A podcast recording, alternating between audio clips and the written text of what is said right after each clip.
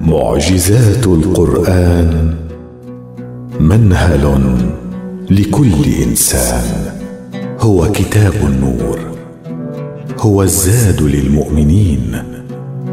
لا يفنى مر الدهور هو حصن قلاع الدين. وحي مذكور. كتاب الله به يهتدي كل عقل فهيم ويستنير كل قلب في سكينة الإيمان يقيم. هو القرآن الكريم. المعجز بالجملة بالكلمة بالحرف. لم تنقضي ولم تنقضي عجائبه. في بحور درره غاص العارفون. وإلى شواطئ نوره يمم الهائمون. ولما تنتهي الدراسات فيه بعد.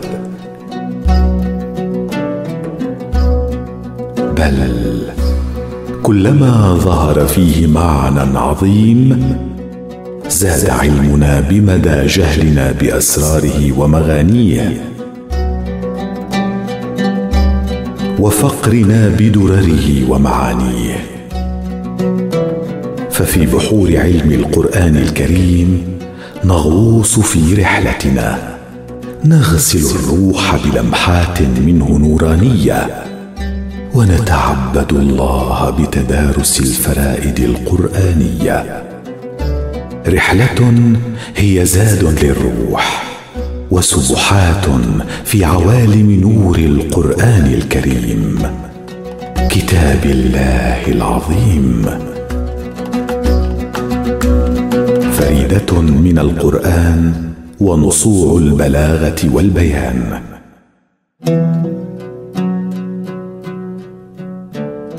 هي الكلمة هي المعجزة التي زود الله بها خير أنبيائه وأحبهم إليه.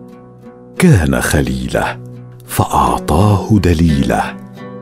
الكلمة وأي كلمة؟ إن هي إلا كلمات الله أوحى بها إلى رسوله الكريم محمد صلى الله عليه وآله وصحبه وسلم. فأضاء الدنيا بالكلمة واستنقذ القلوب من الظلمات إلى النور بالكلمة وغسل الأرواح في عوالم من عطر الإيمان المبخور بالكلمة. في الكلمة هامت أرواح ونفوس ونذرت قرائح عظيمة نالت عظمتها ببركة جهادها في حرم خدمة الكلمة التي أنزلها الله تعالى في سماه على عبده محمد رسول الله. فألفت كتب عظيمة تتناول الكلمة وورودها في القرآن الكريم ومعناها في سياق الآي العظيم وبلاغتها ومرادها في السياق القرآني. وذابت قرائح العلماء تستغيث المعنى من الرسم المصور وتستنجد بالله أن يقدر لها الفهم المقدر. فكيف نزلت الكلمة؟ فيما تكررت ها هنا وفيما ها هنا تفردت. إذ وردت بعض الكلمات في القرآن الكريم متفردة بالظهور مرة واحدة والفريدة في معناها العميق المنقطعة عن القرين أي التي لا مثيل لها ولا وزين ولا شبيه. وليس تفرد هذه الكلمات في القرآن الكريم إلا لغاية عظيمة ومؤدى كريم. وفي هذا البحر من بحور القرآن الكريم نحاول أن نغوص في هذا المقام لنتلمس بعض جوانب الإعجاز في الفريدة القرآنية. ورد في سورة الحاقه قوله تعالى بسم الله الرحمن الرحيم. سخرها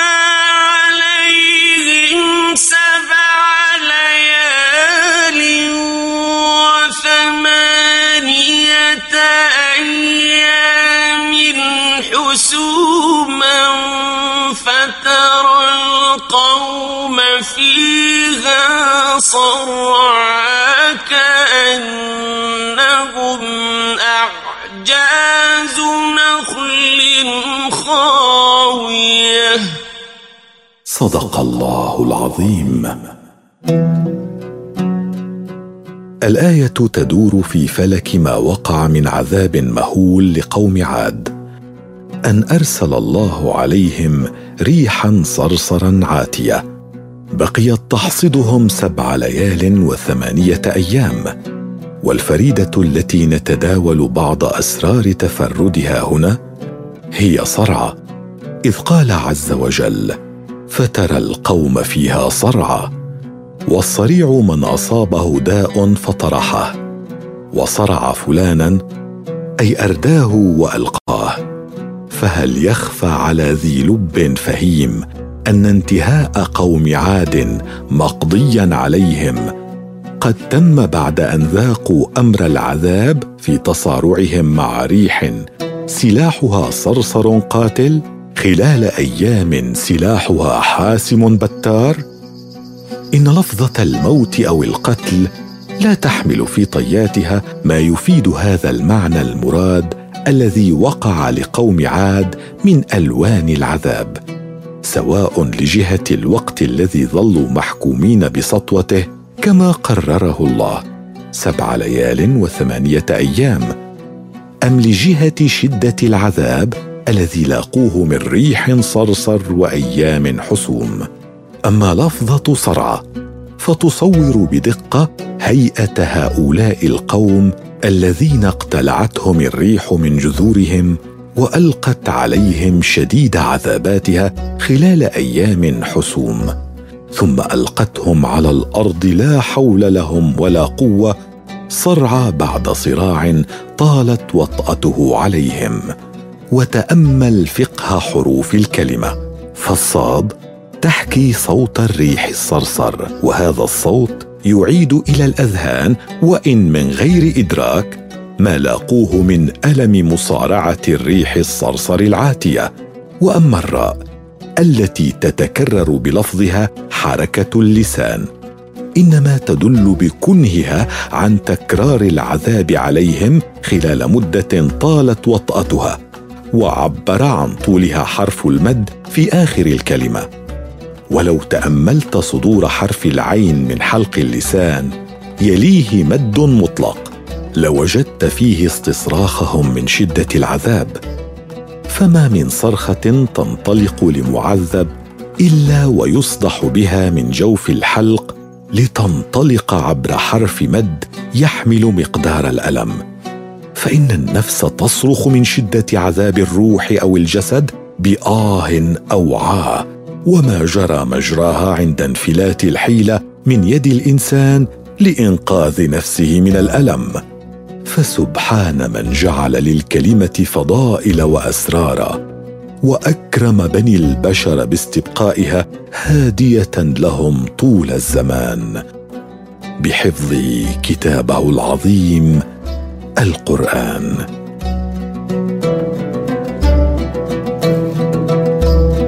معجزات من الصورة في الآية والسورة. لم ينزل القرآن العظيم على رسول الله الكريم محمد صلى الله عليه وآله وصحبه وسلم إلا وقد هامت عقول العلماء تتدبر معانيه وتستقصي مغانيه وتفيد من ينابيعه وتستغني من بحوره. ومن بين أفواج الحجيج في حرم علوم القرآن الكريم تجد أفواج العلماء لعلوم العربية تتزود منه وتتلمس المعاني العظيمة من الكلمة والحرف والجملة مبحرة في عميق المعنى ومجاهدة في تدارس الصورة ومناضلة في سباق خدمة القرآن الكريم.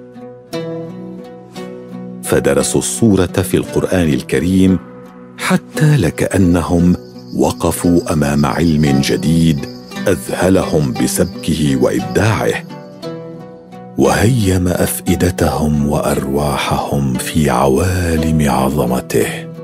فلنستعرض الصورة التي وردت في قوله تعالى في سورة الحج. بسم الله الرحمن الرحيم.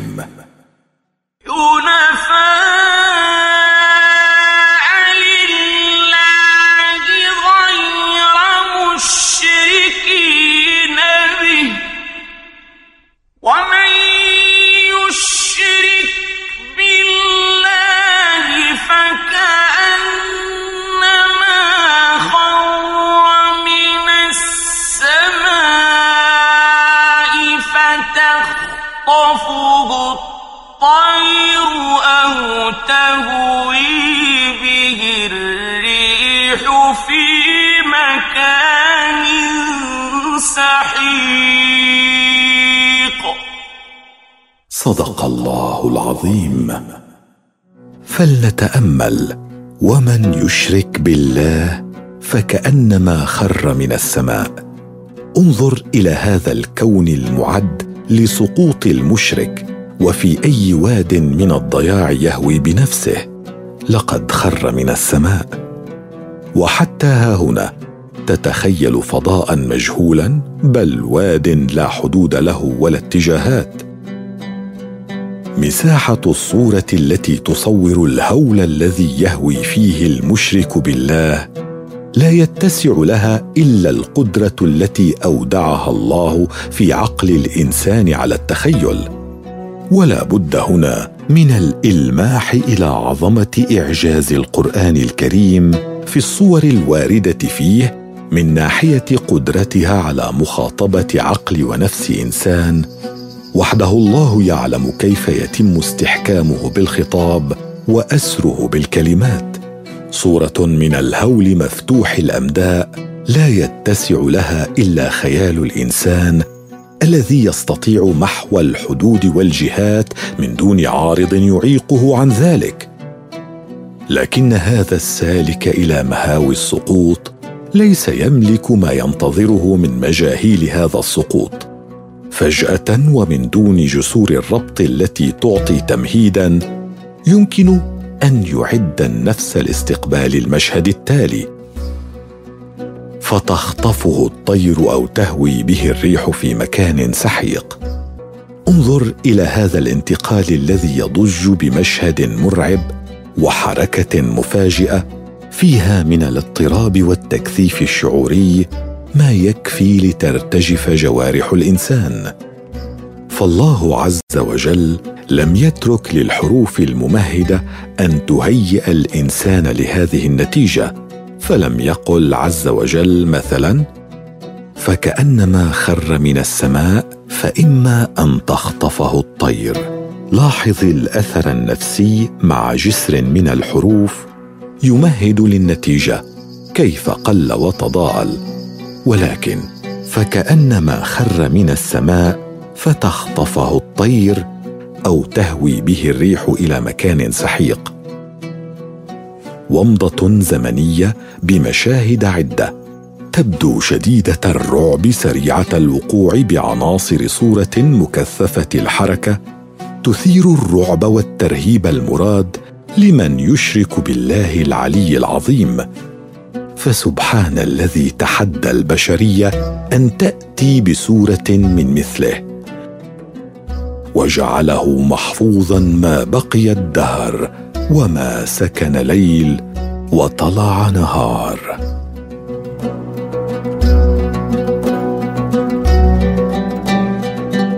علم الأكوان من بحور القرآن. هو الكتاب المحفوظ مر الدهور.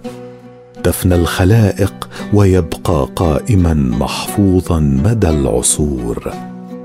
فأي أسرار أودعها الخلاق العظيم في كتابه الكريم حتى تيسر له أن يبقى مشعل هدى ونورا لكل من يسعى سعي المتعطش في الأرض لمعرفة ربه رب الأكوان.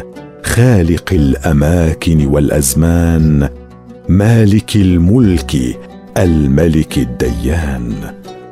في هذا البحر رسالة القرآن إلى كل بني الأرض. رسالة يلتقطها قلب فقيه لعالم نبيه إن شاء أن يهتدي في عظمة الخالق وإبداعه. ففي القرآن الكريم ما أدهش علماء الكون الذين ما زالوا يدرسون عجائب الأرض والأفلاك فإذا ما قضوا عشرات أو مئات السنين ساعين باحثين ووصلوا إلى حقيقة علمية بجهود كبيرة وحثيثة تجلت بعض عظائم القرآن الكريم. فوجدوا أن ما سعوا إليه يستقصونه قد أخبر عنه عالم الغيب العظيم في قرآنه الكريم. في الفيزياء الكونية وأصل الكون فلنتأمل قول البارئ العلي. بسم الله الرحمن الرحيم.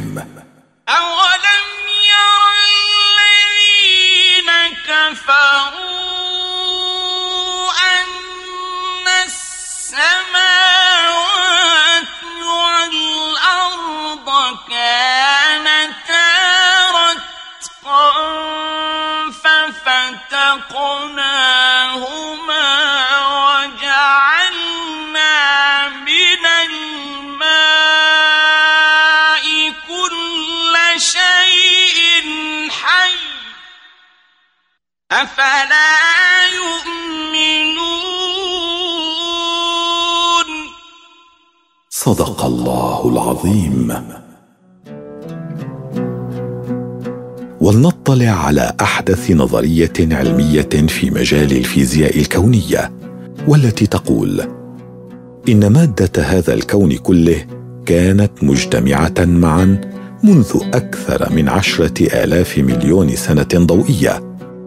وكانت مادة هذا الكون هي جسيمات من الفوتونات والإلكترونات والنيترونات والجسيمات المضادة لهذه الجسيمات.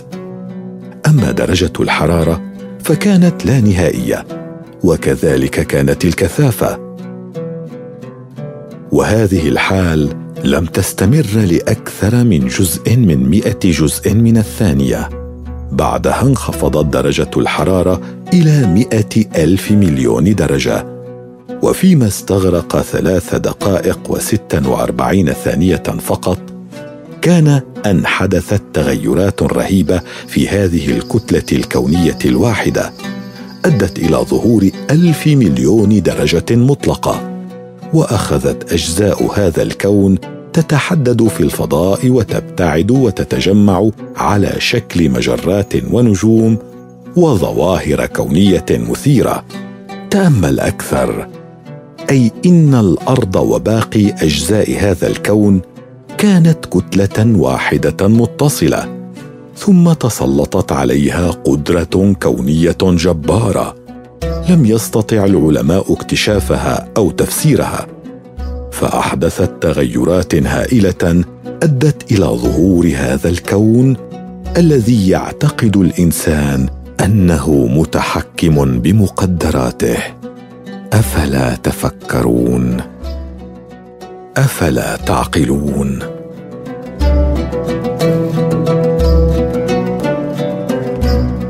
معارج الروح.